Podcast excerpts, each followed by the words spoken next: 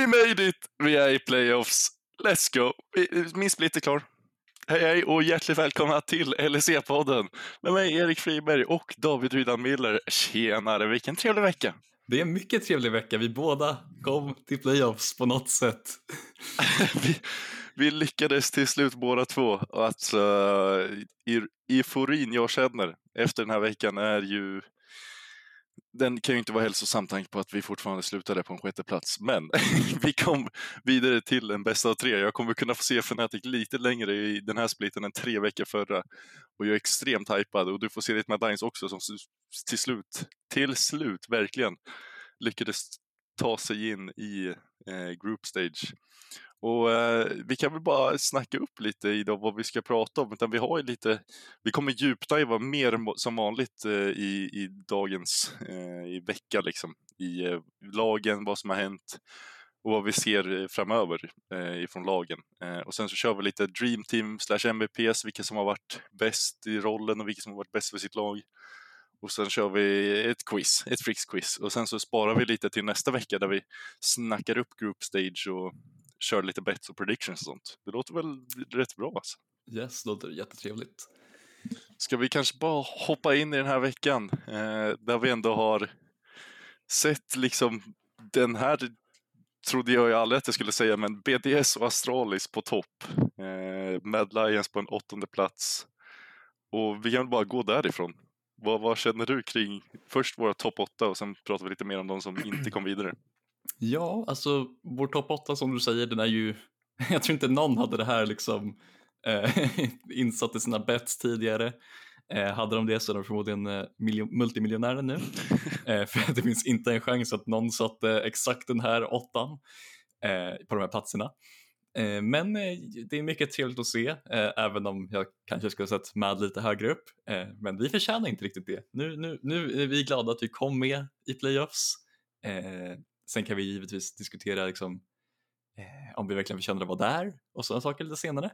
Men eh, overall så är jag ganska nöjd med lagen som kom med. Heretics förtjänade nog att komma med egentligen på ren, eh, ren, ren spelstil. De såg nog mer stabila ut än med. Eh, men eh, tiebreakern gick som den gick. Eh, givetvis kommer vi gå in i den lite senare, men eh, eh BDS och Astralis är väl egentligen de största talking pointsen Eh, och eh, båda har ju haft intressanta eh, liksom rises från förra säsongen där vi har båda 1 och 2. Eh, BDS som har vi snackat om tidigare förra veckan tror jag eh, har ju bytt om sitt spelsystem lite grann eh, vilket definitivt gynnar dem. De spelar mer kring botside och de ger eh, Crowny mer rum att spela sitt spel vilket definitivt har hjälpt dem väldigt mycket för att Adam är fortfarande väldigt konsistent topp eh, och han behöver inte den här extrema mängden prio han fick tidigare längre. Eh, även ja, sen typ Fnatic-dagarna egentligen. Eh, och det har ju gynnat dem extremt mycket, som att Adam basically drar en till två bands per game, vilket firar upp ännu mer eh, rum för både spelare som Cheo, som också har samlats... alltså på något sätt flyger han fortfarande lite under radarn, men han är typ förmodligen en av de bästa junglisarna i ligan och han är ju förmodligen den bästa djungeln för sitt lag i ligan. Han eh, skapar extremt mycket space åt sina spelare. Eh, och sen så, eh, ja, Crowney, eh, tror vi kommer komma in på det i Dream Team MVP-grejen, men han är ju förmodligen en av ligans bästa, om inte ligans bästa just nu på form, eh, AD Carry i, i ligan som sagt. Vilket är en mycket intressant sak att säga om att, om att en spelare på BDS skulle vara bäst i sin roll, förutom kanske Adam som vi visste redan hade potentialen sedan tidigare. Sen om man hoppar över till Astralis så eh, tar det lite emot, men eh, 1-3 hade en väldigt bra vecka den här veckan. Eh, jag tycker fortfarande inte om honom som person, men han hade en väldigt, väldigt bra vecka den här veckan eh, och det hjälpte ju Astralis till att gå 3-0. Eh, han tillsammans med en ganska i form leader och en väldigt i form Kobbe eh, lyckades ju ta ner all, sitt motstånd, all sina motståndare den här veckan och då finner de sig i en andra plats. Vad tänker du om den, de här två lagen? Eh, om vi ska börja med BDS, eller om jag ska börja med BDS och, och hoppa in lite djupare i dem, så tycker jag som du säger att man såg ändå någonting förra splitten hur de ändå spelade på ett väldigt bra sätt och när de flesta handlade om att spela mettan och runt botlane väldigt mycket förra, förra splitten som ett SK gjorde väldigt bra och var väldigt eh, successfull med så gick ju BDS lite ifrån det förra splitten och spelade en toplane vilket gjorde dem väldigt starka. Och jag hade ju mina liksom frågetecken kring om det här laget hade kunnat byta spelstil också eller om det var liksom Adam show och det har de ju verkligen visat att de, att de kan för att Crown i botlane som vi pratade lite om förra veckan har ju verkligen varit en bidragande faktor till att de slutade först. Eh, och det är väl det som har varit det liksom fina problemet med BDS är att de har två stycken så pass eh, stora profiler och stjärnor i laget i Crown och Adam så att både She och Nuke som jag tycker har varit extremt eh, bra och extremt konsistent. Jag har som du säger, kommit under radarn. Eh, och det är ju helt förståeligt, tanke på att både Adam och Crowney har spelat, har sett bättre ut och de är sådana stjärnor som verkligen vinner games åt sitt lag. Eh, men jag tycker att utan den Chio och Nuke, hur de har spelat, så tror jag inte att de hade kunnat komma först. För att båda de två har tagit ett extremt stort kliv från vad jag tyck, trodde att de skulle kunna göra. Jag eh, trodde att Chio Chio var middle of the pack, djungel på nedre nivån kanske han har verkligen visat att han kan hålla en väldigt hög nivå, att han har eh, tagit ett väldigt stort steg samtidigt som vi pratade innan splitten om att eh, Nuke eller Nuclear inte, inte skulle alls hålla och att vi trodde att han var en av de sämre midlaners i ligan så tycker jag att han har visat att han verkligen, verkligen håller en bra nivå och att han är konsistent. Och jag tror att det är det som är bidragande faktorn också, att han just är konsistent. Eh, han har inte de här låga, låga dalarna eller hög, höga peaksen som andra midlaners har, eh, kanske som en Niski, där det går väldigt mycket upp och ner, utan jag tycker att han ligger på en bra och jämn nivå. Visst har han sina off-dagar och inte spelar lika bra, men jag tycker fortfarande att han spelar bättre än de flesta andra på sina off-dagar och håller liksom en jämn nivå. Han, han intar inte på sina off-dagar och han liksom förlorar aldrig riktigt gamet åt sitt lag. Eh, han vinner inte heller, men han är där i mitten och jag tror att det är det det här laget behöver. De behöver inte någon som kan ta över matchen i midlane, utan de behöver någon som är så här säker i midlane. Och det har, de gjort, det har han gjort väldigt, väldigt bra. Eh, och det här tycker jag öppnar lite nya dörrar för andra spelare som vi har sett i lägre regioner eller som vi inte har hållit så högt. Att med en rätt omgivning så kan de se väldigt bra ut och få ut maximalt för att jag tycker att de flesta i ligan är ju ungefär mekaniskt ungefär på samma nivå. Eh, det är bara att förstå spelet och så. Och det tycker jag BDS har gjort väldigt bra jobb med alla sina spelare, att de har lärt sina spelare hur de vill spela och hur de vinner matcherna och på vilket sätt de gör det. Eh, och det är samma sak att kolla på ett Astralis också som också har liksom hittat det sättet. Men jag tycker BDS står ut så mycket för att de verkligen har hittat ett sätt som funkar för dem. Att liksom, det hjälper ju också att Adam drar två, tre bands varje, varje match så att de kan göra lite vad de vill i draft och så. Men jag eh, ser fram emot att se det här BDS att man kommer in bäst av tre. För vi pratade lite om förra veckan att de kan switcha upp och jag tror fortfarande att de kan göra det och jag är väldigt intresserad på hur det kommer att se ut. Ja, 100 procent. Du tog upp det här med Nuclear Int. Eh, jag håller med. Han ser mycket bättre ut den här splitten än han gjorde tidigare. Jag håller inte riktigt med om att hålla honom exakt så högt som du säger, men samtidigt så är han ju exakt det de behöver. Han är ju rollspelaren här ju som liksom, jag kommer ihåg när TSM plockade in eh, Solo eh, som toplaner för att de behövde någon typ av eh, pseudo weakside eh, bruiser-spelare och liksom bara kalla honom för typ en glue guy, han, han är limmet i laget. Och det är ju exakt det, den rollen Nuclearint också fyller här, även om Nuclearint är en ganska mycket bättre spelare än just Solo. Eh, Han hade ju faktiskt eh, två väldigt bra matcher den här veckan. Eh, ena mot Koi och den andra mot eh, Vitality. Eh, I vittmatchen så var ju han typ den största faktorn till varför de faktiskt vann matchen, den som gick till eh, väldigt, väldigt late game, 41 minuter. Eh, och känns lite throwig av Vitality kanske. Men eh, överlag så BDS, de ser farliga ut just nu. Givetvis ser de farliga ut, de toppar ligan, det är väl relativt självklart. Eh, men eh, de, de, de ser farliga ut just nu, de kan definitivt gå längre än de gjorde förra gången, även om jag hade dem som ett topp 4-lag förra splitten, eh, när, vi var, när vi väl var inne i groups. eh, så skulle jag nog ändå säga att de här, den här BDS ser ju bättre ut än den förra, så undrar hur långt de kommer komma när vi faktiskt kommer dit till groups. Dock är det nog en diskussion till nästa vecka kanske. Eh, dina tankar om Astralis? Eh, nej men ett Astralis som jag tycker har växt in till något typ av underdog-lag-ish, fast de kom tvåa. Jag tycker att det känns som att Astralis känns som att de tänker att det är vi mot världen, är den känslan jag får när jag kollar på dem och hur de agerar. Det känns som att de fortfarande spelar på ett, ett vanligt sätt, förutom att Leader såklart tar ut Zed och så. Jag tycker fortfarande att de, det känns som att de tänker liksom det är vi mot världen, vi är fortfarande Astralis, vi är fortfarande den här lilla Oregon som alltid ska komma sist. Och jag tycker att de använder det väldigt bra mot sina motståndare för att man expektar inte att de ska vara så fruktansvärt bra. Jag tänker fortfarande när jag ser eh, Astralis att shit, det här kanske blir en förlust. Eller jag tänker att de är där nere för att de har varit det så länge, liksom legat i botten.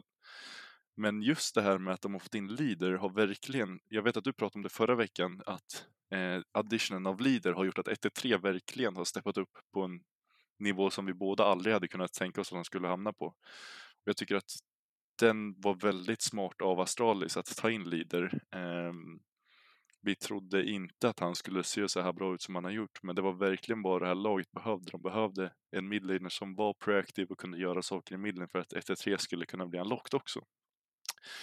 Och det här lite till kostnad av Finn, eh, som jag tycker fortfarande spelar bra, men han har inte fått lika mycket resource, han har inte sett lika, lika carry potential ut och liksom så. Men jag tror att han är extremt nöjd ändå, fast, fast han inte får så mycket resources. Eh, tillsammans med en botlane som jag håller väldigt högt fortfarande. Vi pratar om Kobe i varje avsnitt, eh, men jag skulle vilja prata lite om Jonghun nu också för att vi har ju sagt att han är en väldigt bra support eh, och att vi hade förväntat oss att han skulle komma lite i något bättre lag. Eh, nu blev det inte så.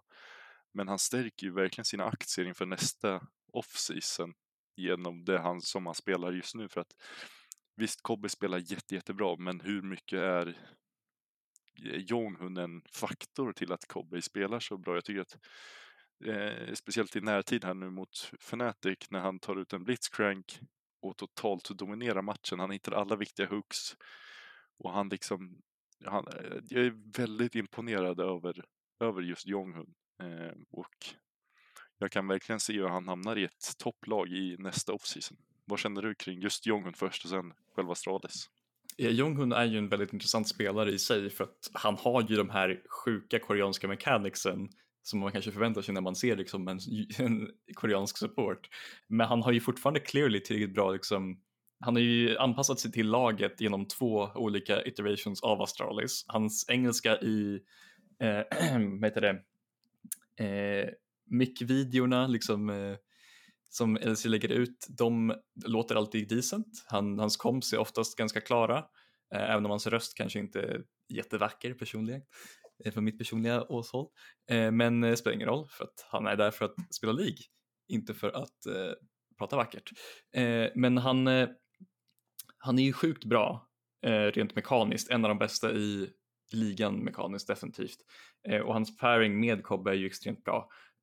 Och hans, det är som du säger, hans champion pool och hans individuella skicklighet ger ju honom en extremt hög, liksom en aktierace som du sa eh, inför nästa split. Men frågan för, eh, för mig, eh, jag tänker komma in på Astral, eh, hela Astralis lite senare, men jag har bara en fråga för jag kom på eh, från en, en diskussion jag hade på LC Twitter för kanske tre veckor sedan. Jag tror det var innan starten på den här splitten.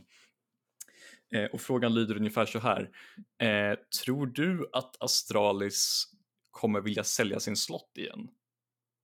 För jag svarade, för jag, jag, tror jag var en av de få som argumenterade i den threaden att Astralis kommer sälja sin slott fortfarande. Dock var det här tre veckor sedan. Nu när de har gjort back-to-back -back playoffs och kommit tvåa i ligan så kanske det finns en reason för organisationen att behålla den.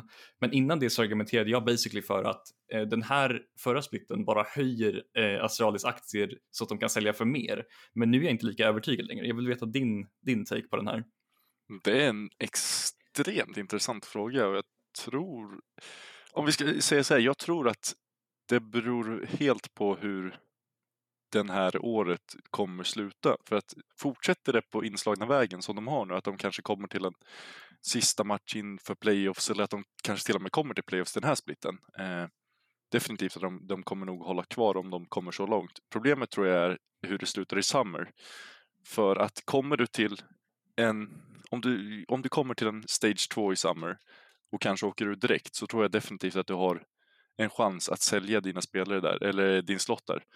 För att jag har en känsla av att dina spelare inte kommer... Du kommer tappa en sån som Jonghun, är jag nästan garanterat säker på. Eh, vilket kommer göra att laget blir extremt svagt. Och du kommer få så extremt mycket mer pengar eh, för slotten nu än vad du hade fått för ett år sedan. Alltså vi, vi går ju upp med några miljoner på bara att de kommer liksom så långt. Och jag, men jag, jag, känner verkligen att som Astralis som org så känns det verkligen som att de kommer sälja den enligt mig. För att de är ju inte den orgen som är mest välskött eller känns som att de bryr sig så mycket om sitt LOL-lag. Det känns väl som att de lägger allt krut nästan på CS och jag har en känsla av att ser de en chans att sälja sitt LOL-lag för några extra miljoner så tror jag definitivt att de kommer ta den och jag tror tyvärr att vi kommer se ett eh, Astralis som som inte kommer vara i ligan nästa år. Eh, men det öppnar ju upp för andra lag också, som, som kanske ett Kermin Corp som kommer komma in i, i ligan. Det hade varit ändå rätt roligt med en reunion med 1-3 om de väljer att behålla honom eller hur de tänker där. Men jag, tror, jag tror fortfarande att de kommer sälja för att jag, de är så pengagreedy de där eh, slipsnissarna i Astralis management. Så jag, tror att de kommer sälja tyvärr. Ja, för jag tänker så här, jag kommer inte ihåg exakta numren för vad Misfits till exempel sålde sin slott för, men jag för mig att det var mid typ 35 miljoner dollar marken ungefär omkring. Eh, och det var typ 80 procent av deras slott bara, så eh, Alltså så om, vad är det? Jag är inte superbra på matte, men 34 till 36 mil för 80 procent, det måste ju vara typ 42,5 eller något sånt där för en hel slott. Och Australiens slott är förmodligen värd lite mer än Misfits nu på grund av det nya systemet och det nya liksom eh, ja, överlag nya systemet egentligen, det är väl den som bidrar. Och ifall de vill köpa ut spelarna, ifall de köper ut liksom alla spelare och slotten samtidigt så lär det ju bli en hel del pengar. Eh, och Australis är ju som du sa inte den mest eh, välskötta orgen overall och de har ju ganska många eh, minst sagt intressanta individer på Eh, sin board of directors, eh, bland annat Kasper Wit, eh, som just nu är i en extremt stor skandal med deras head analyst, hunden, som tydligen signat ett kontrakt för dem medan han fortfarande var kontraktad av Heroic, vilket är mycket intressant. Jag skulle rekommendera att folk går och läser Richard Lewis rapport om det, för det var en extremt intressant rapport att läsa. han lade även ut en, en ny del av den idag Eh, när vi brukar spela in där den 29 mars. Men det spelar ingen roll om eh, Astralis Management egentligen. Eh, jag tror också att det finns en stor chans att de säljer, dock för en jag skulle chansa på typ 55 till 60 miljoner, det är väl det de siktar på kanske. Eh, det här är dollar, vilket känns jättekonstigt för vad, vad kommer du ihåg vad liksom inköpsgrejen var för en LEC-slott? Och inte det typ så här eh, väldigt mycket lägre än det här, men jag kommer inte ihåg exakt. Jo, jag tror också att det var, alltså det var ju extremt mycket lägre. Eh, men då är ju bara frågan, tror du kanske att Astralis ville också göra en sån som Misfit, att de kanske vill ha kvar 10-15 procent av laget för att just dra in lite mer pengar. För det kan jag definitivt se, för att det är ju väldigt mycket pengar vi pratar om och om jag kommer ihåg det rätt så var Kermin Corp nära på att köpa Misfits eller Astralis men de inte hade pengarna. Mm. Och det kommer ju definitivt vara ett problem nästa split också, att de inte kommer ha tillräckligt mycket pengar.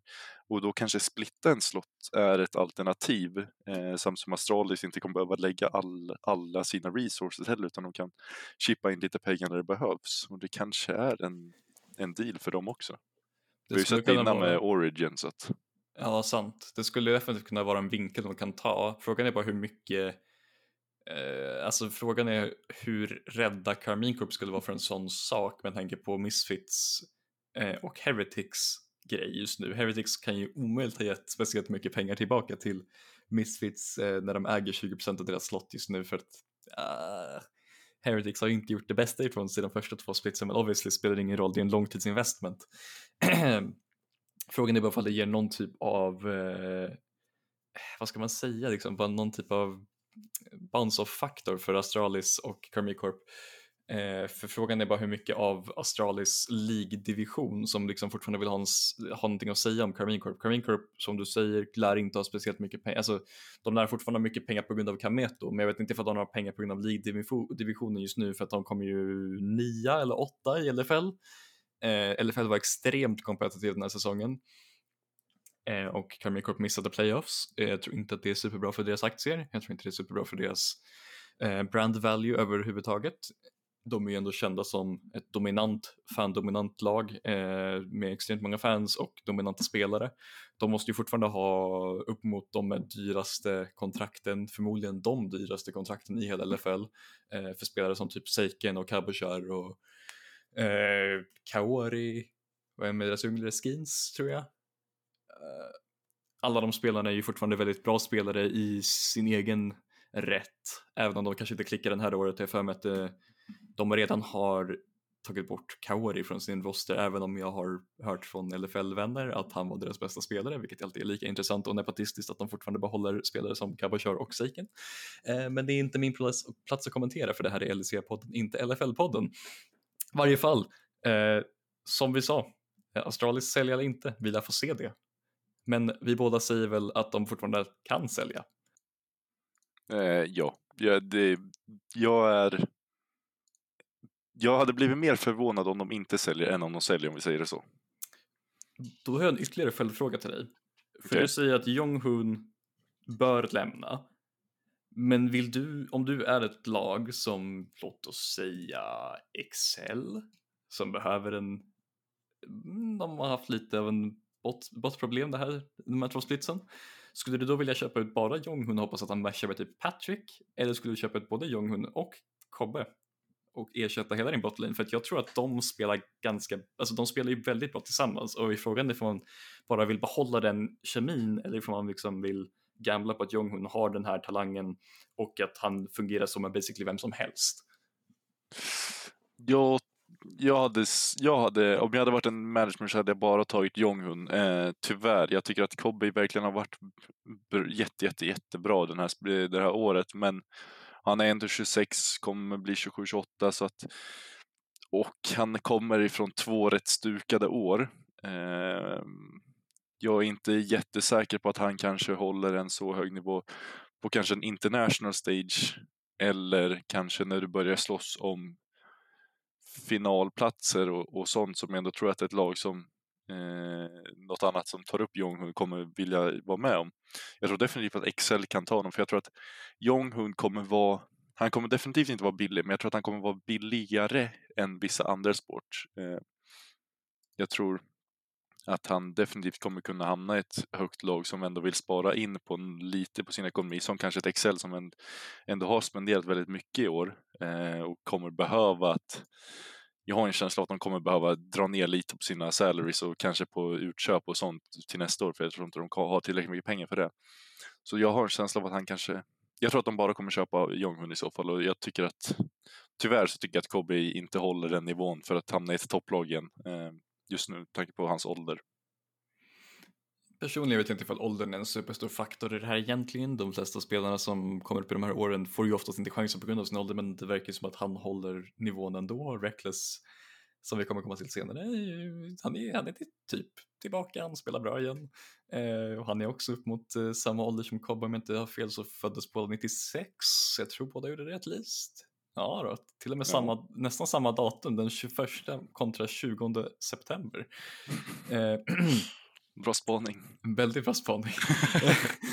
Men eh, båda de, eh, vi har inte supermånga gamla spelare i vår liga just nu. Det kanske finns någon faktor i det egentligen. Jag tror att det delvis är eh, rädsla för att folk ska sluta, sluta utvecklas. Dock håller jag inte riktigt med om det personligen. Det finns typ inga riktiga studier på det. Jag skulle se det som att det är typ samma sak som i en vanlig sport. Jag tror att eh, upp mot typ 32 är nog det riktiga farliga området för proffsspelare eh, inom de flesta sporterna. Däromkring måste man börja titta på den fysiska hälsan, även, även om reaktioner och sånt är ju obviously viktigare här. Men samtidigt så är hockeymålvakter, reaktioner är ganska viktigt, fotbollsmålvakter, fo eh, reaktioner är väldigt viktigt liksom. Eh, båda de positionerna har ju oftast de äldsta spelarna på planen. Eh, så, äh, jag vet inte. Eh, jag tror Kobbe kan hålla på en hög nivå fortfarande. Jag vet bara inte vem som skulle ge sig in i att ta honom då vi har väldigt stor, eh, vi har en väldigt bra ADC-pool i Europa just nu eh, och eh, det finns väldigt, väldigt många jättebra AD-carries i ERLs som eh, saknar lag också. Eller som inte saknar lag, saknar, de saknar LEC-lag.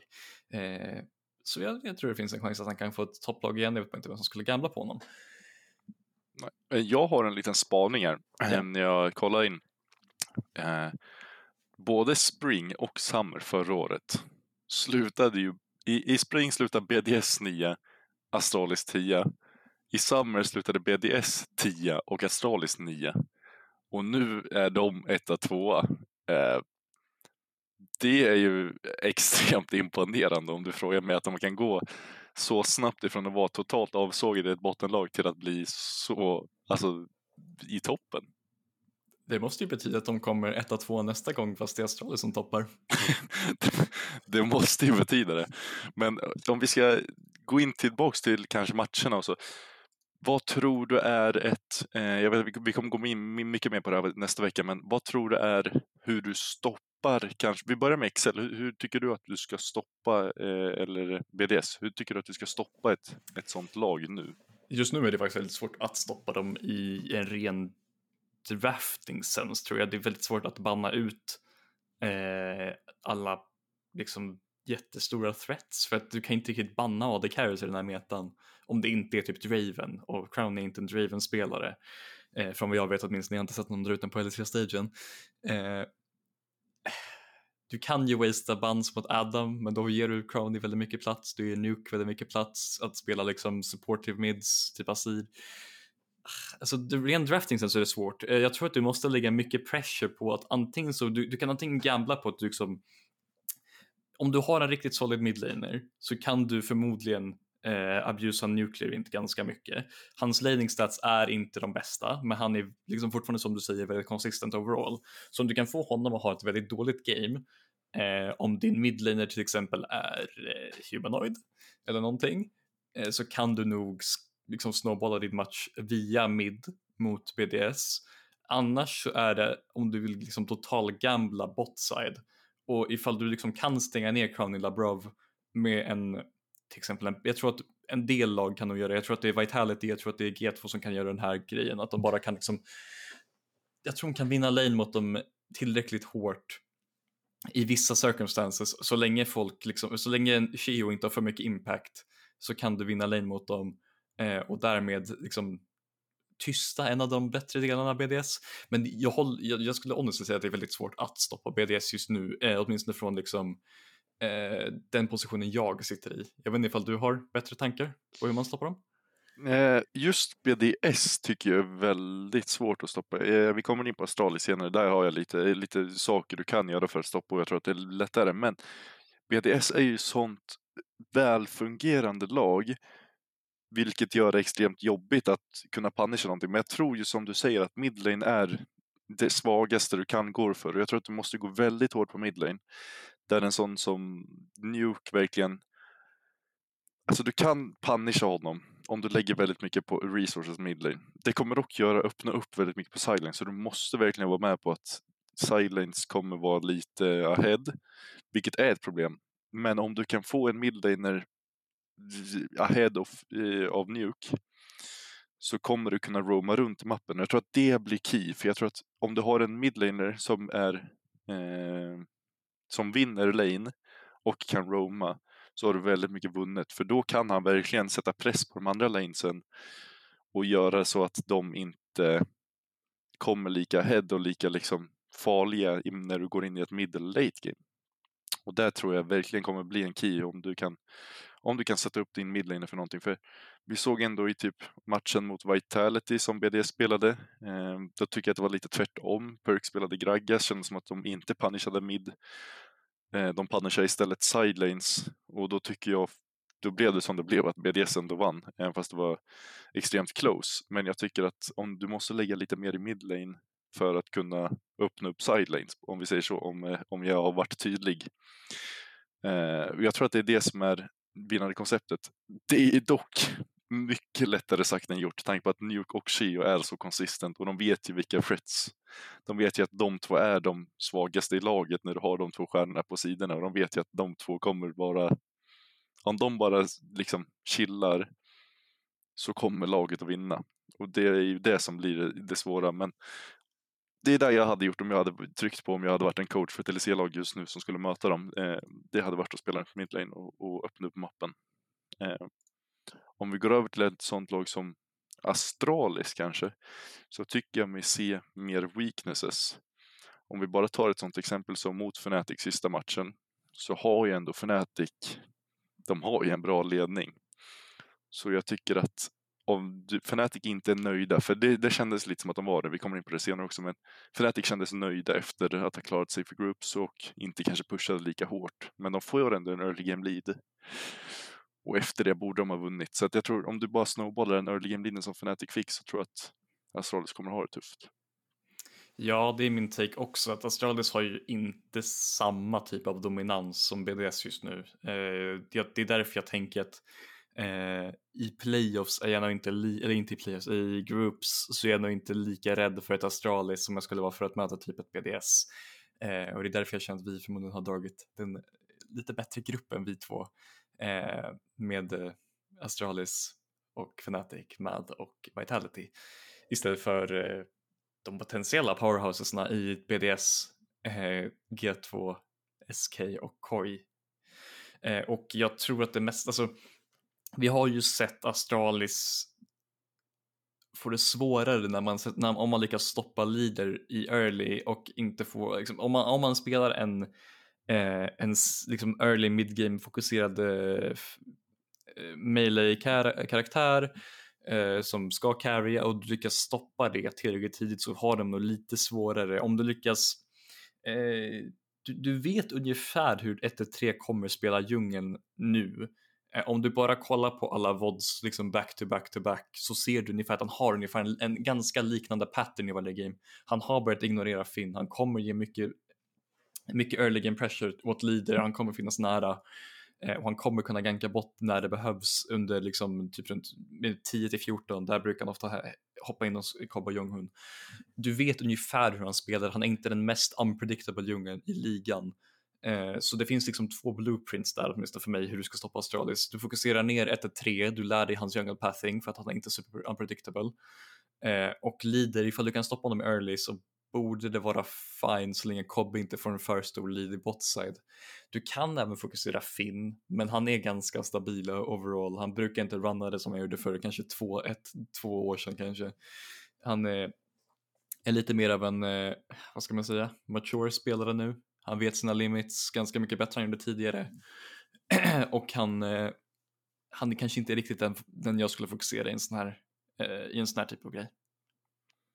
Eh, nej, och jag tycker att Astralis har sett bra ut, men det är också bäst av ett och när du kommer in i bäst av tre så kommer det bli svårare att kunna ta ut sådana som Zed enligt mig eh, och spelade på ett hög nivå. Jag tror att 1-3, även fast jag har prisat honom jättemycket och jag kommer att prata om honom mycket mer sen när vi kommer in på vissa andra segment i podden. Så att jag tycker ändå att han, det, det, det går att punisha honom. Eh, jag gillar 1-3 som spelare efter vad han har visat. Jag tycker att det är kul när, han, när folk bevisar mig fel på det sättet som han har gjort. Men fortfarande så tycker jag att emot bättre djungler så kan de definitivt punisha honom på, på, på ett effektivt sätt. Samtidigt som jag tror att du måste verkligen bara ignorera egentligen botlane. Du kan spela runt botlane, men jag tycker att Astralis botlane är väldigt, väldigt eh, bra och kompakta så att det, det, kommer inte ge jättemycket om du fokuserar och spelar runt så mycket botlane. Jag tror att du har jämn botlane, bara försök att hålla dig så jämnt som möjligt i botlane och sen så fokuserar du verkligen bara fullt ut på toppsidan och försöker att punisha dem. Och det känns ändå som att om jag ska bara ge en liten höger krok till eh, Fnatic in, redan nu så hade nog Fnatic vunnit det här gamet om inte Reckless in, hade byggt allt annat än en Lord of Dominics Regard för att det hade vunnit oss gamet eh, när, när jag kollar tillbaka på vodden. Det hade verkligen vunnit gamet när han hoppar in, men han väljer att bygga allt annat än, än just det itemet. Så att, lite tankshred om vi hade vunnit det här gamet, men det är just det som är Astralis problem. Jag tror att de gör lite för mycket misstag mot bättre lag.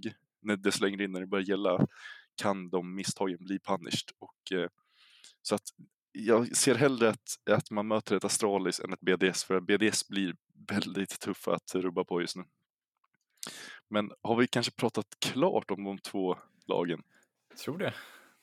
Då kan vi väl gå över till mitt Fnatic som, som vi löste det till slut. Jag var aldrig orolig.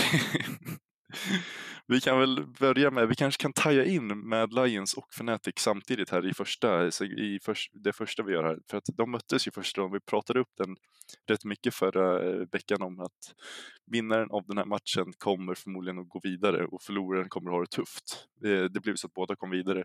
Men som Fnatic gör det mot eh, Mad Lions, förlåt för att jag kanske låter lite bias nu, men Oscarinin gör kaos, Reckless kommer på en väldigt hög nivå, Humanoid extremt, eh, extremt bra och Razork var liksom tillbaks på sin peak. Eh, om jag börjar bara med att prata lite Fnatic så tycker jag att det såg väldigt bra ut. Oskar in på en carry där han kan, kan bara, egentligen bara springa in i andra laget, även fast jag vet att Mad Lions komp egentligen sög mot Olaf i det här tillfället. Och Mad Lions drafting har varit questionable de senaste veckorna. Så tycker jag att på sättet Fnatic spelar macro i det här och nästa game är bland det finaste jag har sett på väldigt länge eh, av ett Fnatic-lag. Jag tycker verkligen att det börjar kännas som att de har just fått sin identitet som vi pratade lite om förra veckan och det känns som att de har en skönare liksom vibe i laget. De vet verkligen vad som funkar för dem och de spelar till fullo på det. Samtidigt som ett Mad Lions verkligen har det, hade det tufft i den, i den här matchen. Jag tycker att om vi börjar från draft så är det ingen bra enligt mig. Eh, jag tycker fortfarande att Lee Sin i den här kompen inte maker så mycket sens. Jag ser inte riktigt. Jag förstår att du vill teama upp det med en Silas, men det är lite för svårt enligt mig. Jag tycker verkligen att du borde försöka med någon annan djunglare för det hade kunnat underlätta så mycket. Ja, alltså ifall jag ska hoppa in här med draften, alltså, jag kallade ju instant när jag såg Lysinan, det är den här matchen är fucking över. Eh, och det var den. Eh, och sen så, jag för mig även den sista bannen. Jag skrev, jag tror jag skrev på Twitter, jag skrev definitivt i vår Discord. I vilken värld bannade du Renekton här? Lite i vilken värld? Mac, jag är, jag är plat. Jag kan också se att Ola fucking shreddar vår draft. Så delusional är jag inte. Om du, hur du missar det förstår jag faktiskt inte. Det är väldigt, väldigt intressant. Moskarinin har ju spelat Olaf en del i sin karriär och han är ju inte en han är ju inte dålig, speciellt inte online. Eh, han är ju väldigt, han är ju en helt annan spelare online. Det måste, det, det, det, om jag har någon kritik mot, eh, mot Fnatic just nu, förutom att de kastade ganska hårt mot eh, Astralis, så är det att de ser väldigt, väldigt bra ut online. Jag vet bara inte ifall de kommer eh, kunna replikera det här på, på stage. Jag är inte 100% säker på att Oskar Rinning kommer vara lika confident när han inte sitter hemma i Fnatic-huset. Eh, jag tror inte han skulle ha lika mycket mod på stage. Jag tror han skulle bli lite mer, lite mer passiv. Eh, men eh, fortfarande full, eh, full cred till honom. Han spelade väldigt, väldigt bra mot oss. Även om vår draft eh, var delusional. Eh, ja, just den här matchen, eh, vi blev ju bara dominerade. Det finns inte så mycket att säga om det. Eh, Hyljesang hade ett intressant game med en stor betoning på int. Eh, för att, ja, eh, förvisso fanns det inte så supermycket att göra. Vi behövde leta desperata plays. Eh, men att gå 08 kanske inte är superoptimalt oavsett om man bara går för place. För att catch up i guld. Eh, Fnatic dominerade oss, deras draft var mycket mer simpel att exekuta. Eh, det är exakt sådana här drafts, vet man jag kanske skulle se, äh, det där är typ exakt den typen av mm. draft jag skulle vilja se Mad spela vanligare. Eh, den här typen av eh, ganska front-to-backiga semi, semi lätta engagen som Fnatic har emot oss med Olof Seduani, Asir, Jinx, Braum. Det, det är bara en så lätt stil att exekuta. Jag förstår inte varför man ska komplicera det hela tiden med draft, drafta liksom leasing. Det, det, det, det är inte Eljojas champ. Jag vet inte hur många gånger du måste se den i action. Det är inte Eljojas champ. Jag bryr mig inte om att han hade ett bra game förra veckan på leasing. Det är inte hans champ guys. Det, det funkar bara inte. Eh, men eh, ja, första matchen för Mad var ju lite tuff. Det var ju obviously väldigt skönt eh, för Fnatic eftersom de lockade eh, basically in sig med den vinsten, här för mig. Eh, ja, de lockar tre vinster där, så de lockar väl basically en, play, eh, en tiebreaker med den matchen. Eh, Medan vi fick eh, lite mer stressigt med tanke på att det var den här matchen jag tänkte att vi kanske vinner och så lockar vi en tiebreaker. Men eh, vi vart ju stompade så vi kan väl hoppa vidare till nästa match för båda lagen antar jag. Eh, ja, det kan vi göra. Jag, jag bara ska nämna lite att Hillesang såg ut som att han ville eh, göra Fnatic en sista tjänst eller någonting i det här gamet. Jag tyckte verkligen inte han såg stabil ut alls. Jag tycker att Corsis Kajsa inte var eh, jättebra i det här gamet. Jag förstår att det är jättesvårt jag att spela. Jag skulle argumentera inte... för att han försökte sitt bästa. Det fanns många grejer som kunde gått bättre för att jag kommer ihåg två scenarion där Reckless överlever på 100 till 200 HP när han ultar in på henne. Eh, vilket kunde event fighter. Jag skulle säga att Curse spelade förmodligen bäst på vårt lag den matchen. Men, eh, Definitivt. Han, spelar, han, han, har varit fortfarande ert bästa spelare enligt mig eh, genomgående även i vecka tre. Men jag tycker att eh, just picken Kajsa tycker jag inte var den bästa i den här situationen. Jag vet att draften är egentligen jättefight, men jag hade inte gått för en sån som Kajsa i det här läget. Det håller jag med om. Kajsa är inte riktigt rätt pick här, men ja, yeah. Ja, men om vi ska hoppa vidare till Fnatics andra match där vi lyckades ta ner lilla, lilla G2. Och Oskar Innin gör det verkligen jätte, jättebra. Vi kan väl börja ifrån draft, där jag verkligen tycker att vi vinner draft så hårt. Vi har, alltså det är så fint att se ett Fnatic-lag som vet deras styrkor och spelar utifrån det. Jag, förra splitten kändes så lost och allting, men i draft känns det verkligen bra. Vi vet vad vi ska spela front to back.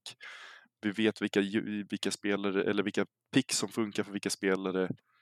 Reckless på sin Sevir såg stabil ut, han såg väldigt bra ut. Humanoid på Asir, världens bästa Asir. Eh, jag kanske går Ni får ha lite, lite överseende. Jag, jag, är väldigt glad över att vi lyckades komma och vi, att vi just vann mot den här matchen mot G2.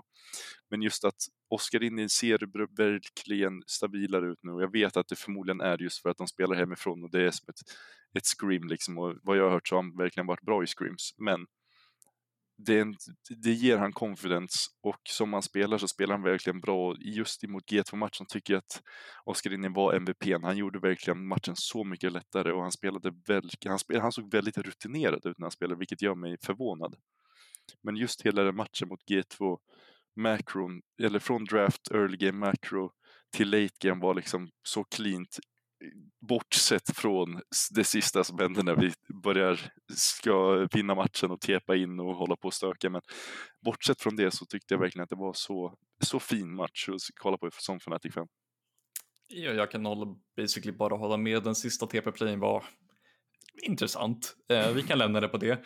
Eh, Oskar Inin hade en väldigt bra match overall. Eh, han gav extremt mycket space. Han spelar som du säger ganska rutinerat den här matchen. Det känns som att han liksom han har bara en annan känsla av sig själv när han spelar online för han har bara liksom han tänker inte så mycket känns det som. Han, han, liksom spelar, han spelar topp. Det är det här, det är det här mindsetet du kommer in i för att du spelar carries topp. Jag har en gold lead, okej. Okay. Jag kan inte dö mot min lane längre, okej. Okay. Låt mig, side, mot mig sidelana, yes. Det fixar vi det. Eh, och sen så hade det givetvis väldigt bra impact i fighter också. Eh, att låta As eh, hur man får Asir är jättequestionable. Eh, jag förstår inte alls varför. Det känns som att Asir är nästan bannad i varenda match mot er i vanliga fall. Eh, och det finns ju ganska stor anledning till varför. Humanoid är en av världens bästa Asirs när han är på topp. Jag skulle inte säga att han är på topp just nu, men han är definitivt på väg tillbaka till att bli en av EUs bästa mids igen. Vilket glädjer mig väldigt mycket som MAD-supporter för jag har fortfarande en softspot för Marek. Eh, och eh, Mareks Asira är ju någonting man inte glömmer som MAD-fan. Eh, den är ju världsklass. Eh, Reckless hade ju också en extremt bra match, känns som att han eh, verkligen ville prestera mot G2. Eh, även om han kanske skulle ha sagt någonting om den där TPn. Jag tror att han mest var inne i det och bara vibade. För att jag för mig att han inte sa ett ord om det när de, när de exekutade i videon eh, i voicecoms. Eh, honestly, eh, eh, Advien, väldigt bra match. Han spelade också solid. Eh, hade solid engages, jag för mig att han brände en hel del flashes det är Rakan igen. Jag menar, Rakan har varit väldigt, ban väldigt ofta bannad mot de bästa engage reportsen. Eh, Advien är en av de bättre engage reportsen i EU, enligt mig åtminstone.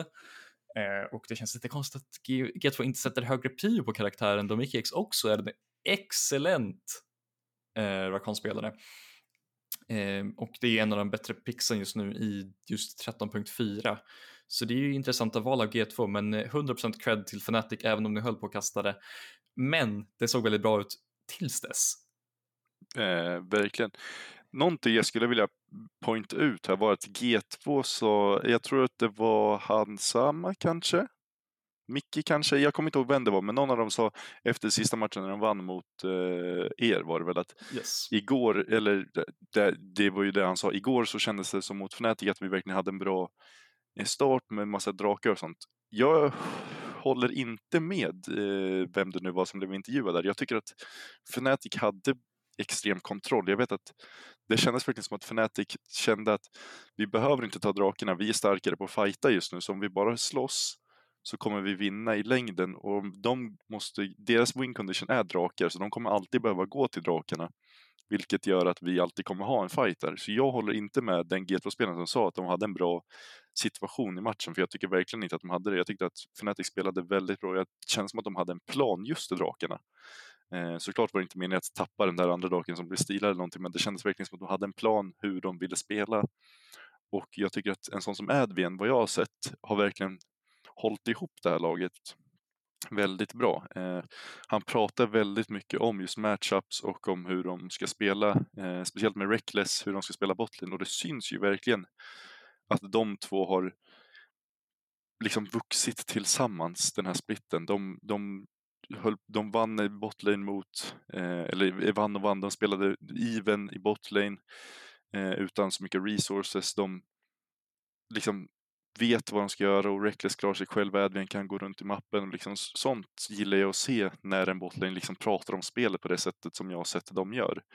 Eh, även fast Reckless inte är så mycket av en prat, pratglad efter matcherna och på kamera så, så tycker jag verkligen att Adrian verkligen förklarar vad han vill och vad han känner och vad liksom som gick fel och vad de kunde göra bättre. Och det tror jag är väldigt viktigt för det känns som att många liksom bara säger vad de gör fel.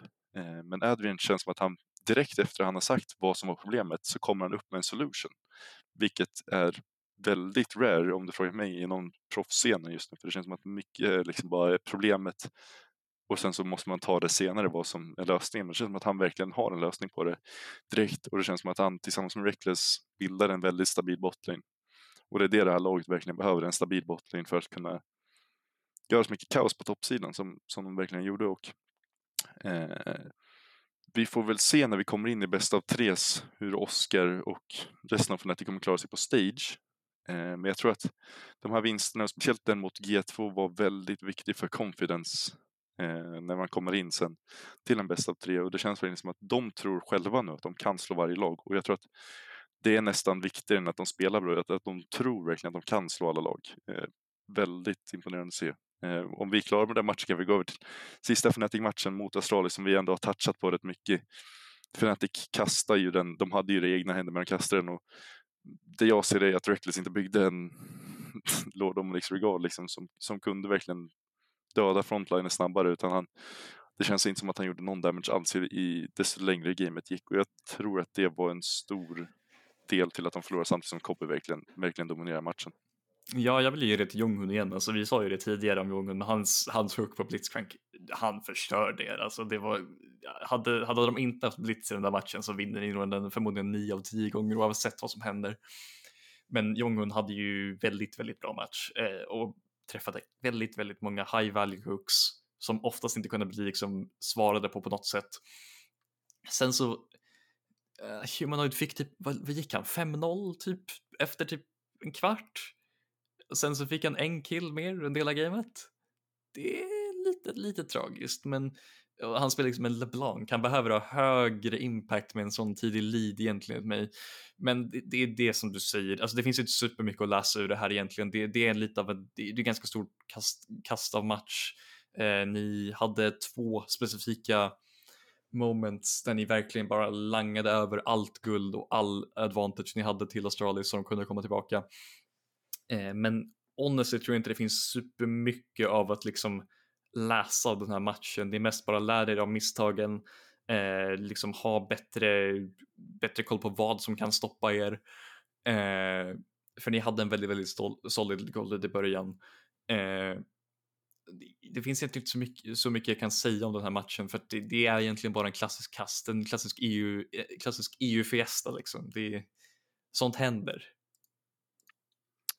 Eh, ja, och jag tror att vi, vi är klara med för Vi kommer snacka upp dem rätt mycket inför nästa vecka tror jag. Eh, eller jag kommer vilja prata lite mycket, rätt mycket om dem nästa vecka för att det, det, kommer bli väldigt kul att se dem äntligen i en group stage. Men om vi går över till Mad Lions sista tre matcher blir det eftersom de hade en tiebreaker där. Så att vi börjar med det mot SK där jag trodde verkligen att nu blir det jobbigt för Mad Lions för att de kommer möta SK här och jag tror att det blir en vinst för SK och sen kommer de möta G2 sista dagen. Eh, men de lyckades skrapa ihop en vinst mot SK det blev och inte här, jobbigt. det blev inte så jobbigt, men det blev Ja, här makear en Lee Sin-pick väldigt mycket mer sens enligt mig med tanke på midpicken. När du pickar en Lysander så är Lee Sin väldigt bra. Du behöver inte se ut som en peak shadow för att få det att se bra ut. Då, utan om du har en Lysander mid så kan du få jag vill inte säga medioker leasing, för Elioy är verkligen inte medioker, men han är ju inte den topp som andra juniors är. Och du får verkligen honom att se bättre ut, samtidigt som Corsi är bästa spelaren ni har på laget fortsatt i den här matchen. Men jag tycker att jag tycker verkligen att den här matchen var ett väldigt högt step upp. Jag tycker att er draft känns mycket, mycket bättre och mycket mer clear vad ni vill göra eh, i den här draften jämfört med de innan. Och här fick jag lite hopp faktiskt för Mad Lions. Jag skulle säga att den här draften är mer av en gamble än någonting vi har draftat tidigare för att som jag tror nästan varje analyst har sagt, Pike in i den här matchupen är totalt skit. Men det är hyllesänk på Pike, så det spelar ingen roll. Eh, jag förstår eh, det du sa om Lisin, eh, Lisin Lissandra, även om jag fortfarande inte riktigt håller med om att vi ska ha Lisin här överhuvudtaget ändå. Eh, även om Lisandro ger en extrem mängd pick potential åt Lisin så tycker jag inte att just den här matchen, Elioja har en väldigt bra match, men han kan ha en bra match på vilken karaktär som helst. Det är Elioja, han är en av Europas bästa junglers. Eh, men jag kan inte kritisera honom för mycket, det var en väldigt, väldigt bra match ändå. Eh, Niski, Lisandra, typ exakt den typen av karaktär jag vill se honom spela, en roaming, en, en karaktär med hög roaming potential och setup potential som fortfarande kan göra extrema mängder damage vilket är typ exakt det vi behöver. Chasey på Kennen, vilket var en intressant pick och den fungerade väldigt bra. Det är in i Zion, vi kommer vinna lane automatiskt, åtminstone i farm. Eh, han fick en stor ledning, han kunde göra effektiva plays i teamfights där vi fick stora Kennen ults som gjorde extrema mängder damage. Eh, som sen toppades av av Corsi som hade en, förmodligen en, en av sina bästa matcher hittills eh, på Saya eh, som sen blev permabannad mot honom resten av de två matcherna av en anledning. Eh, anledningen var att han totalt shreddade SK. Eh, honestly matchen, jag var, jag var väldigt stressad inför den. För jag kände att det här är sista chansen. Vinner vi inte den här så är vi 100% ute. För vi kommer inte vinna mot G2 och som vi kommer komma till, vi vann inte mot G2. eh, men det gav väldigt mycket hopp som du säger. Eh, det glädjer mig extremt mycket att se Carsey spela så här bra för att jag vet hur bra den här grabben är. Men han är bara lite inkonsistent. Eh, och just den här matchen valde ju hela laget att show upp. Eh, Hylesang hade ju en extremt bra match på Pike. Han satte upp extremt mycket eh, grejer. Vi fick en 2v2 killbot här för mig också. Eh, delvis på grund av, eller störst på grund av att vi spelar Pike för att Pike är disgusting early med Halo Blades och Ignite. Eh, men honestly, matchen mot SK, eh, det finns inte så mycket mer att säga för vi kind of bara dominerade dem efter vi fick en viss lead. Eh, vi höll på att, det fanns någon, någon eh, fight jag kommer ihåg var riktigt sketchy, men jag för mig att vi, vi överlevde den fine efter ett tag. Eh, och sen så close vi ut eh, under 35 minuters sträcket som är fine ändå. Vi hade en solid goal lead genom hela matchen ungefär och det finns inte så mycket mer att säga om den matchen. Det är mest G2-matchen som är, som är intressant här. Uh, yeah. uh, igen, en draft som blir totalt shreddat av Olaf. Och vad bannar vi inte? Olaf, jag älskar vår drafting. Den är så bra. Jag älskar att kunna, jag ska kunna last rotationa Olaf mot varenda en av våra drafts som blir shreddade. Det är så kul. Eh, och sen, eh, ytterligare en grej. Niski, spela aldrig arg igen. Jag tror inte jag sett en sämre arg-prestation, eh, professionell arg-prestation någonsin. Jag tror jag bara kan jämföra den mot liksom typ folk jag hade i, i solo queue. like, du, du är bättre än det här. Jag såg dig missa en mer gånger jag tror jag såg dig träffa. Du, du, vi, hade, vi, hade kunnat fått, vi hade kunnat fått ledningen i den här matchen. Men Niski valde att missa en två gånger på caps. Så istället fick G2 typ, jag kommer inte ens ihåg hur stor ledningen blev för det var, det var svårt att kolla på det efter ett visst tag. Eh, vi vart ju totalstompade av G2, vi skulle förmodligen ha förlorat på typ 22 minuter men G2 valde att ha lite kul eh, så vi fick överleva till 28 istället. Men eh, alltså, ja, det här gamet, eh, det var ju bara dumt. Verkligen, jag vet inte riktigt var jag ska börja med det här gamet. Det kändes som att det var, jag vet inte riktigt hur heller. För att jag hade någon, någon typ av förhoppning innan draft började att vi med kanske kan showa upp här som de gjorde igår eh, och göra en Fnatic och skrälla här. Men nej, jag, det var tillbaks på samma gamla vanliga Mad Lions som vi har sett den här splitten. Eh, det var inte alls på den nivån som jag hade förväntat mig. Niski genom golvet igen. Eh, måste börja steppa upp när vi kommer in i stage 2 verkligen om ni ska ha en chans nu för att nu börjar det bli lite frustrerande att se han spela så pass dåligt som han har gjort de senaste matcherna här. Jag håller Niski som en väldigt bra midlane och det sa jag ändå förra veckan också men som han spelar just nu verkligen inte på den nivån. Eh, jag vill inte vara för eh, sur mot Medlines för att det känns som att den här matchen bara var ett snedsteg eh, och jag tycker du summerar väldigt bra. Jag kommer inte gå in mer på den, den matchen om vi går över till tiebreaken istället. Jag vill Så bara lägga en, en sak, en sak, en sak. Ja. Uh, det här är också en sak som är väldigt positiv med. Det finns få lag som skulle kunna liksom bara skratta av den här matchen. Vi satt ju lite och bara fucking mimade efter att vi låg under med 11-0 typ. Vi, vi, vi hade gett upp mentalt på att vi kommer vinna den här, vi ska bara ha lite kul. Alla på laget för, förutom Chasey för att han är korean, det är unlucky, han kommer inte ta en sån här förlust på det sättet som eh, Carson Iskeljoja gör. För de satt ju lite bara och skrattade åt Broken Blade som sprang omkring och fucking one-shotade hela vårt lag. Eh, det är egentligen det enda. Eh, vi kan gå vidare till tiebreakern. Ja, men eh, där skrev ju du i vår gemensamma Discord att nu, nu vill jag att coachingstaffen bara säger till spelarna att de ska hålla käften och göra ett kompetabelt draft och ett bra lag till oss nu. Och det kändes ju verkligen som att de gjorde det om du frågar mig. Det kändes verkligen som att det var ett håll käften draft ifrån eran, eh, draft, ifrån eran coaching. Nu var det liksom så här, den här matchen behöver vi vinna. Vi har haft jätteroligt innan och haha, det var, det var, det var en rolig split liksom. Så nu har vi, nu har vi inte haft klart den här gången. Och drafta liksom Keisante, Maokai, Asir, Serri, eh, Rakan. Och det, efter det här kändes det liksom, ja, nu, nu har de verkligen visat, nu, nu vill de vinna den här matchen för att liksom komma vidare.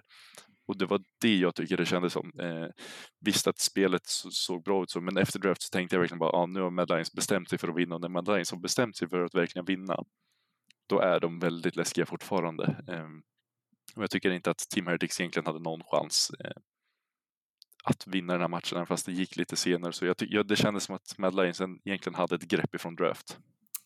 Ja, alltså jag tror jag tweetade upp mot 75-80 gånger den här matchen.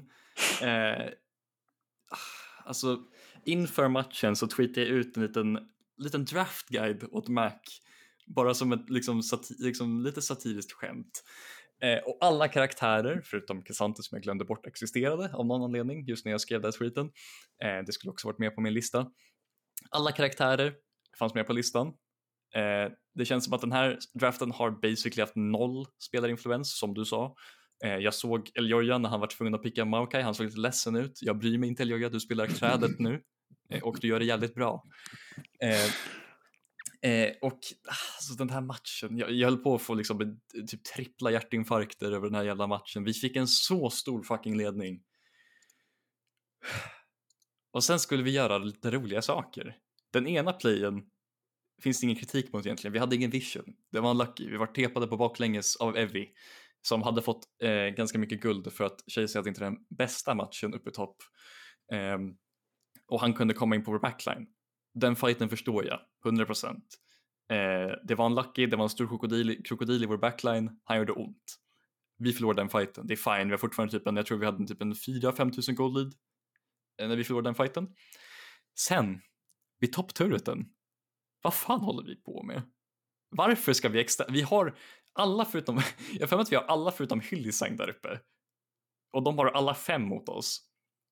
Eller något sånt, jag har för mig att det var ungefär den stilen. Eh, för jag för mig Hillesang höll på att en inhib för att han spelar Rakana och har Baron buff. Eh, för det, sånt gör han. Det är bara, det, det, man bara accepterar det. Det är en klassik, Det det, en det kommer du få se många gånger. Eh, och det funkade, vi fick en inhib. Tyvärr dog hela vårt lag också. eh, eh, och då vart jag riktigt stressad. För Jack Spectra höll på att få full bild. Och Jack Spectra har, vi har inte touchat på det än, vi kommer snacka lite grann om Team Heretics senare. Jack Spectra är livsfarlig just nu. Han är honestly så mycket bättre än han var tidigare. Och Jankos har actually en, en lagkamrat på sitt lag. Vilket är kinda sjukt att säga.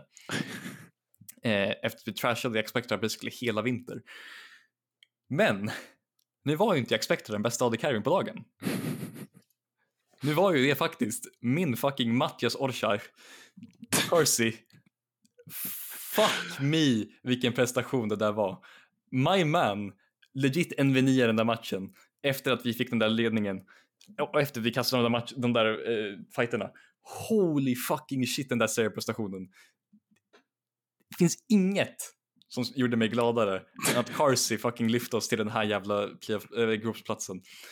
För ingen kunde kritisera honom den matchen. Han gjorde basically inget fel förutom att köpa QSS lite för sent.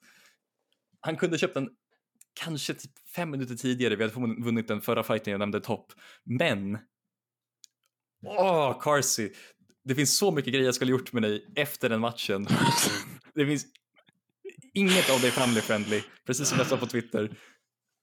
Det, det, alltså det, det var magiskt att se oss vinna den där matchen när vi höll på att kasta så där jävla hårt. Mina condolences går ut till Jankos. Han spelar också en, en fantastisk match. För varför skulle han inte spela en fantastisk match? Det är fucking Jankos och han råkar- vara i, i sin legit livs bästa form. Jag kan tyvärr inte kommentera på pre-2020 Jankos. Jag har ingen aning om hur actually bra han var 2019, förutom att jag sett hans Worlds Run. Men jag skulle säga att den här versionen av Jankos, Loki, är bättre än 2019 Jankos. Han, ser, alltså han är så sinnessjukt bra just nu individuellt, vilket det- det är så synd om honom att han bara inte har den typen av, det typet av lag som han behöver och han måste ju bli uppköpt efter det här. Det finns inte en chans att stanna på Heretics om man inte liksom blir contract jailed. Väldigt bra analys, speciellt på Corsi. Jag håller med. Om, om ni vill se min riktiga analys av Carsey, uh, unfiltered, Finns det Eh, på Onlyfans? den finns inte på OnlyFans, den finns på, den finns på min Twitter, att David Rydahl.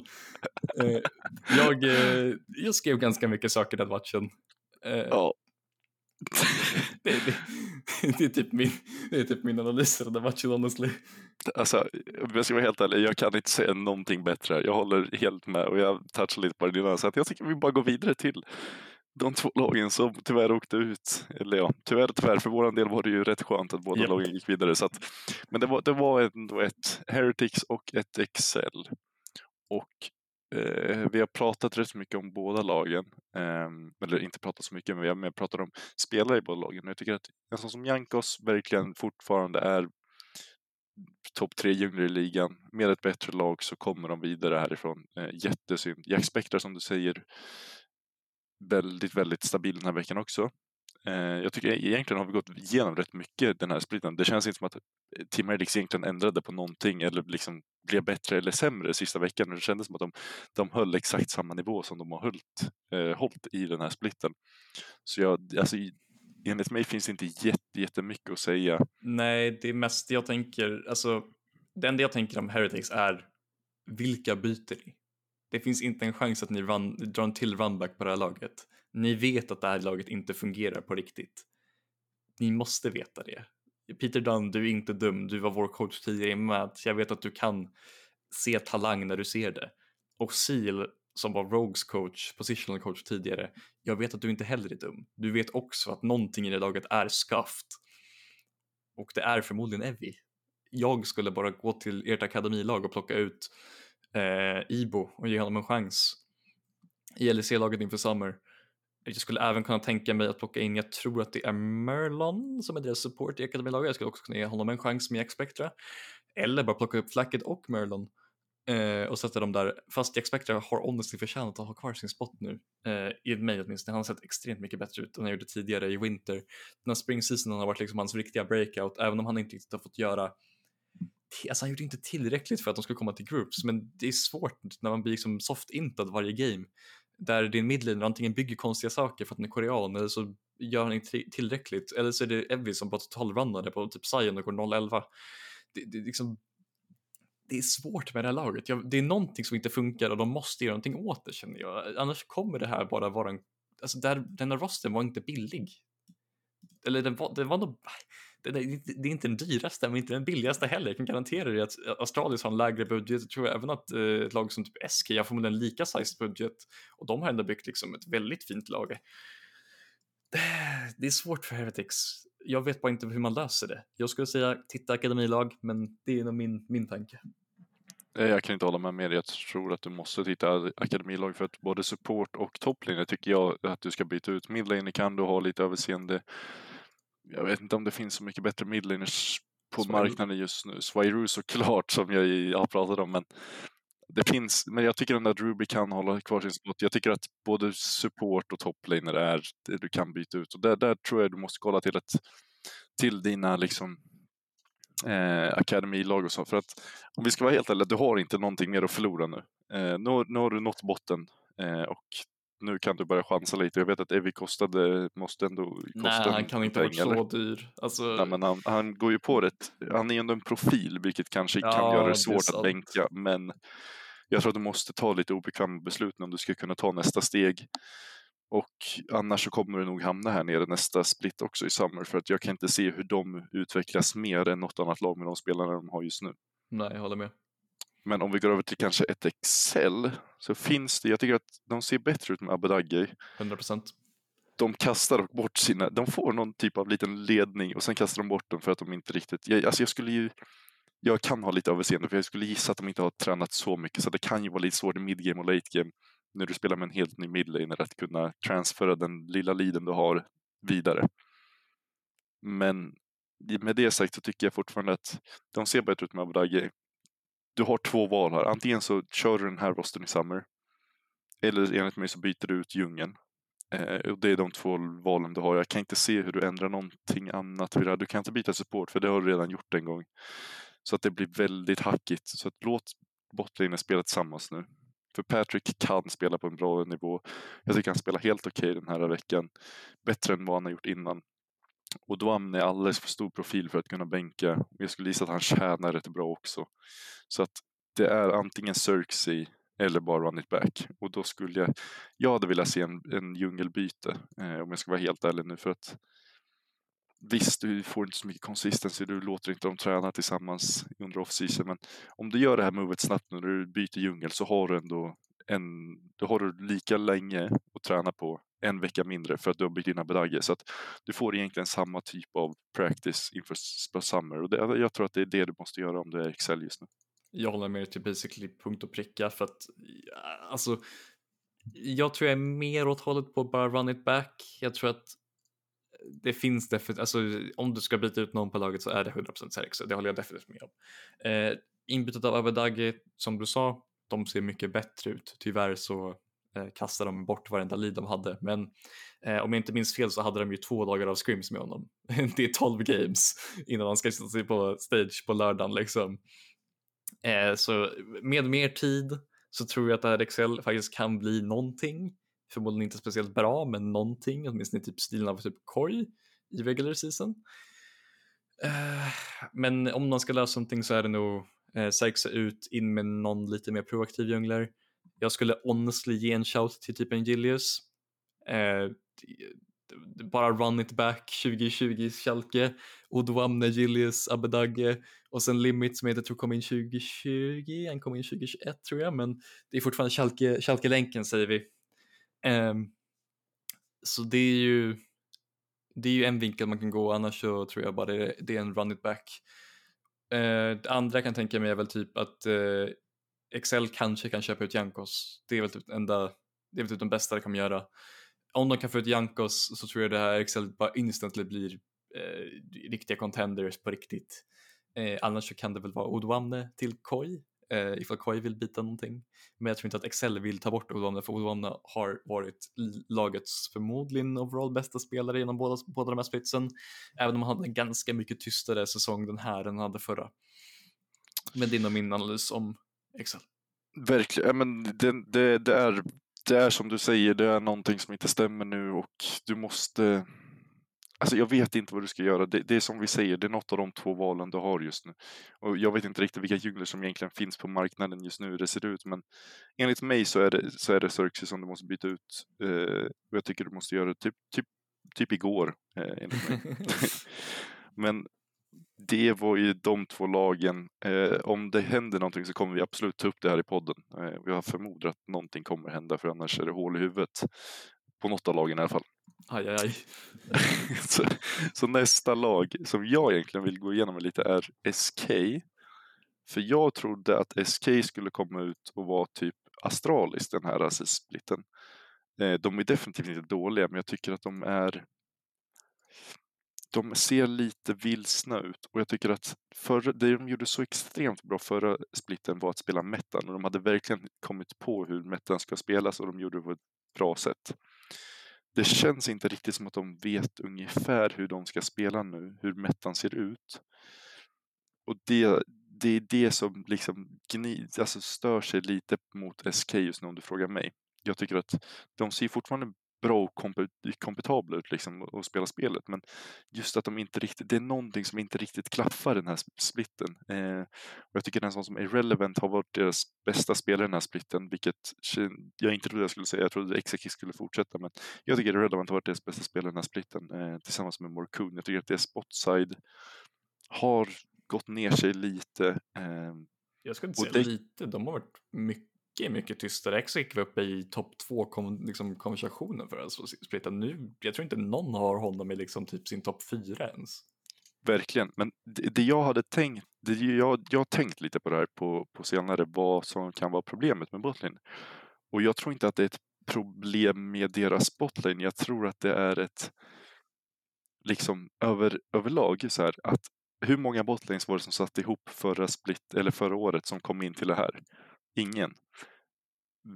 Exakik och DOS har spelat liksom tillsammans i LDLC förra året och kommer in i Spring eller i Winter eh, när andra lag inte har tränat så mycket. De känner varandra, de vet exakt hur båda varandra spelar. Och jag tror att de hade väldigt stor advantage där medan andra lag botlane liksom fortfarande leta efter någon typ av kemi och lärde känna varandra och kände på varandra så visste Executos precis vart de hade varandra. Och jag tror att det är det som var en bidragande faktor till att de just spelade så bra förra säsongen och såg mindre dominant ut nu. För att nu börjar de andra bottensen verkligen börja också steppa upp och liksom börja spela som tillsammans, som en duo istället för två solo. Vilket gör det att Exekigodos måste liksom lära sig om på nytt hur det är att spela i LEC. För de hade ju verkligen det kändes som att de hade ett bananskal förra säsongen när de kände varandra.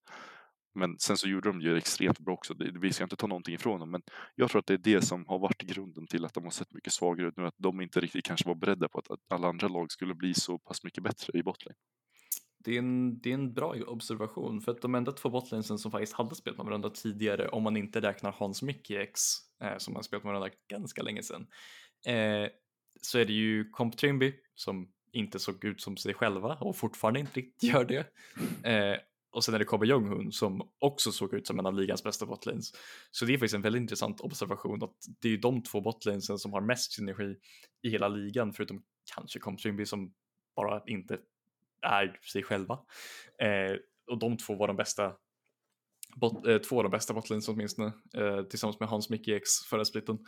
Eh, det kan ju definitivt vara en faktor. Eh, dock så kände jag att de spel, alltså eh, de hade ju mer av en liksom aggressiv, alltså, de är, de är fortfarande aggressiva men de är inte lika aggressiva. Det känns som att de har lite av det du säger, att de, de verkar att de kan inte ta sina eh, sina aggressiva dueller lika lätt längre på grund av att de andra är liksom mer beredda på det. De, är mer, de vet ungefär hur varandra ska spela eh, och det finns ju vissa botlines som går att punisha på det sättet givetvis.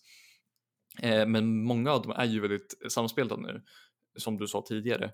Så det, det är ju det är väldigt intressant. Sen att Certus har inte haft en, han hade inte en superbra vecka den här veckan, eh, men eh, jag tror att de, de alltså eh, Eskil kan fortfarande rädda det i, i, i groups. Eh, jag, jag, tror att de, eh, de drog ju den alltså sudolätta, sudos, alltså det, det är svårt att säga om grupperna men de, jag, jag, tror de kan överleva sin grupp. Jag tror de kan potentiellt komma ut. Jag tror inte jag skulle ta dem som en favorit alls med tanke på att de har BDS och G2 i sin grupp men eh, SK kan rädda sin, sin eh, säsong fortfarande. De är inte dumda på något sätt men de ser definitivt svagare ut nu än de gjorde tidigare. Jag håller inte riktigt med om att de har en chans att komma ut. Jag tror verkligen att de har alltså, nästan 0 chans att komma ut ur den gruppen. För jag tycker att, som vi har sett av Koi, så var det ungefär samma split nu som förra, förra splitten. Bara att efter när det blev bäst av tre så det började gälla så steppar de verkligen upp. Och frågan är om de orkar göra det igen. Eh, jag tror att de gör det. Jag tror att Mad Lions också kommer steppa upp. Fnatic har hittat någon typ av väg att vinna matcher och liksom hitta sin idé hur man ska spela. Om jag ska vara helt ärlig så det kan vara lite biased här mot, med, med Fnatic, men jag tycker att SK ser ut som kanske det svagaste laget när vi kommer in i, i Group, som du frågar mig. Eh, det, det, är definitivt att Fnatic verkligen inte håller en, en, så hög nivå och jag tror att de ligger kanske ungefär på samma nivå just nu, men jag skulle säga att eh, SK är svagaste laget i Groups. Jag tycker det är relativt fair. Eh, det finns bara tre lag som kan vara svagast. Eller, ja, KOI går också att räkna in där, guess, men de har fortfarande någon typ av faktor i mitt huvud att de kommer vara bättre i BO3s. Eh, men det jag tror att det är mellan oss, eh, Fnatic och SK. Och jag tror honestly att du kan ha rätt i att SK kan vara det sämsta laget just nu. Ja, det är det jag hade att säga om SK. Ska vi gå över till nästa segment kanske? Vi har ju snackat nästan en timme nu straight om vad, vad, vad vi tror och vad som gick fel och så. Så att vi kan gå över till eh, det nästa där vi har gjort varsitt liksom Dream Team slash MVPs. Där vi egentligen har satt ihop, eller de topp top två spelarna på varje roll. Typ en där vi känner att den här har verkligen varit den bästa spelaren på den rollen och den andra MVP, vem har varit bäst på sitt lag, vem har gjort det de liksom vem har varit sin MVP för laget? Och om vi börjar i toplane kanske, där har jag gått för Irrelevant och Adam. För jag tycker att det, det finns, en, det finns verkligen en eh, bra argument för att ta foton här. Jag förstår den. Foton kanske är, är den bästa toppen i ligan just nu, men jag tycker både Adam och Irrelevant är så viktiga för sina lag. Jag tycker att båda har sett extremt bra ut. Eh, de har varit jag tycker att Irrelevant har varit väldigt, väldigt, väldigt viktig för eh, SK. Med en så eh, liksom konsistent toplaner så är det viktigt att du har det med det laget och eftersom han har sett bäst, enligt mig sett bäst ut under den här splitten så tycker jag att han förtjänar en plats i mitt All Pro-lag eller hur man ska säga. Eh, samt som Adam verkligen fortsätter hålla den där höga nivån och utan honom så hade det inte gett så här mycket flexibilitet och, och tankat liksom två stycken två till tre bands varje draft. Så det är mina två toplaners. Vilka har du? Eh, jag har Photon som min bästa toplaner och sen är jag Irrelevant som min MVP toplaner för att det är samma resonemang som, eh, som du för Irrelevant. Han har varit, enligt mig, SKs bästa spelare och han är fortfarande liksom en väldigt, väldigt stabil topp. Han spelar allt, han kan, han kan spela basically allt. Eh, jag har tidigare kallat honom Mini Odoamne eh, eller Odoamne light flera gånger. Jag skulle förmodligen säga att han är bättre än Odoamne just nu. Jag tror inte att det är speciellt kontroversiellt om man inte är delusional. Eh, sen så är det Photon. Eh, det, alltså, det är svårt. Han är, han är bara mekaniskt bäst topp eh, i EU. Han kan spela allt. Han kan spela tanks. Eh, jag, jag, sa exakt det samma sak när jag resonerade kring All Pro-laget för vinter och han har inte riktigt blivit värre. Eh, han kan spela allt. Han kan spela tanks, han kan spela bruisers, han kan spela carries, han kan spela liksom, eh, supportive saker. Eh, han har lite mer bredd i sina karaktärer än vad Adam har. Men Adam är fortfarande också en extremt bra pick, eh, så det, jag, jag kan inte klandra det, det var definitivt min nästa pick ifall jag hade haft tre slots att fylla. Mm. Eh, men eh, foton är min. Ja, om vi går över till djungeln så du kommer nog gå i tak nu, men jag har 1-3 som min MVP och Janko som bästa djungeln. och jag baserar egentligen bara på att de förväntningarna jag hade på 1-3 inför splitten eh, och det han presterar nu och det han gör för Astralis när de slutar på en andra plats är så sjukt på olika sidor av ett spektrum så att det, det, det finns inte. Så att jag tycker verkligen han förtjänar min MVP för liksom, det här Astralis för att verkligen imponerad av en så ung jungler som egentligen inte hade några förväntningar alls. Eh, så han gör det väldigt bra, och samtidigt som Jankos verkligen har visat, vi har pratat om det här varje podd, utan att vi tycker synd om honom för att hans lagkamrater inte är bra och att han har varit värd, eller EUs bästa djungler i mina ögon. Jag tycker att han hade fått mera praise eh, och så vidare om han hade varit i ett bättre lag eller kanske bara kommit i groups. Problemet är bara att det ser inte så bra ut när alla andra runt om honom feedar sönder. Så att, men jag tycker verkligen att han, han har gjort det bra, så att det är mina två junglers. Ja, jag har Jankos som egentligen både min bästa och min MVP för att han är eloheld. Eh, och det är samma resonemang som du just drog. Och min andra jungler är Shio för att jag tycker att Shio är integral till BDS lag. Han är exakt den djungeln BDS behöver och det är egentligen det resonemanget. Han hjälper Adam, han hjälper Nuke, han hjälper Crowny på rätt sätt eh, och han är BDS liksom eh, typ lim för att fungera i mina ögon. Det är egentligen mitt resonemang. Det är, det är helt fair. Jag håller med om det. Mina midlaners har jag inte, alltså jag kan inte riktigt bestämma mig vem som är bäst och vem som är MVP. Men jag har satt Nuke och Leader. För det kan vara lite tråkigt tanke på att de slutar 1-2 men som jag har pratat om, eller definitivt Nuke MVP eh, när jag börjar tänka efter det här, så att han, han, är verkligen inte bäst. Men Leader tycker jag har varit bäst med tanke på vad han har spelat och vilka förutsättningar han hade när han kom in i den här uh, Astralis-laget. Jag tycker att han har gjort absolut det mesta han har kunnat och det har verkligen payat off. Samtidigt som Nuke verkligen har varit en MVP för att det är den här rollspelen som ett BDS behöver när du har de andra två stjärnorna som vi har gått igenom. Så att, mm, ja, de, de, de, här två kanske är lite tråkiga men just Nuke MVP och Leader bästa, bästa midlaner. Ja, jag har Leader MVP och jag har Caps som bästa spelaren bara på grund av, eh, alltså Leader har, alltså, Leader har förmodligen haft egentligen en slightly bättre säsong än Caps, men det är egentligen bara baserat på eh, ren impact. Jag tänker Leader mer som Niskin, han kommer inte med, eh, liksom lyfter, elever, eleverar eh, spelstilen för laget till en helt annan nivå. Eh, och det är typ exakt samma sak som Niski gjorde när han kom in till oss, eh, Summer eh, 2022. Eh, så det är ungefär mitt resonemang för Leader. Eh, han har samma typ av eh, agency, han ger dem en hel ny spelstil, han gör 1-3 till en kompetent jungler eh, och han tar pressuren av Finn att carrya vilket hjälper Astralis extremt mycket. Caps har haft en, extrem, liksom en extremt solid säsong. Eh, den här veckan hade han ju ett extremt bra game mot just oss, vilket är sad. Ett mindre bra game mot, eh, mot Fnatic och ett okej okay game sista för mig. Eh, men eh, overall så tror jag fortfarande Caps är den bästa medlen i EU. Jag tror inte att det är supermycket man kan argumentera mot det rent eh, individuellt skickl eh, skicklighetsmässigt. Nej, eh, det, jag satt och funderade på, på Caps eller, eller Nuke där jag, vem jag ville ha in, men jag tycker att Nuke har varit så en MVP för sitt lag så att han, han fick komma in där. Det är en fair shot. På ADC så har jag tagit eh, Crowny och Upset men jag har inte valt som jag tror att de flesta hade sett. Jag sätter Crowny som bästa ADC och Upset som MVP. Bara för att Sure Upset har varit väldigt, väldigt bra.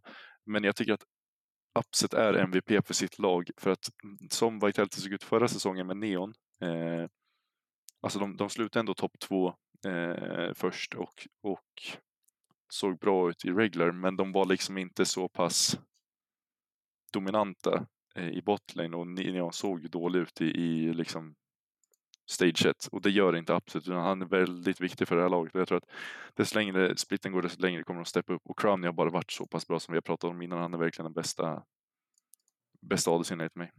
Ja, yeah, jag har också Crowny, dock har jag satt honom som MVP även om han förmodligen är den bästa ADCn rent på form.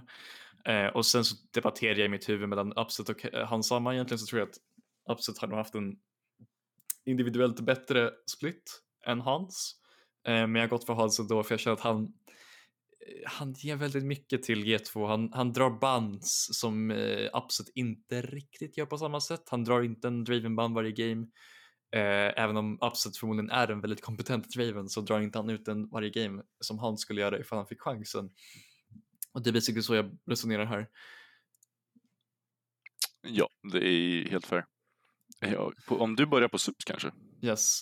Eh, jag har satt min MVP-support som Jonghun och sen har jag min bästa support. Det står mellan, egentligen så tror jag Mickey är den bästa supporten i ligan. Eh, men jag har gått för Kaiser för att jag känner att Kaiser har fått en extremt stor boost eh, den här splitten. Han gick ju från att vara en av de sämre supporten i ligan till att bli en av de, i mina ögon, topp två.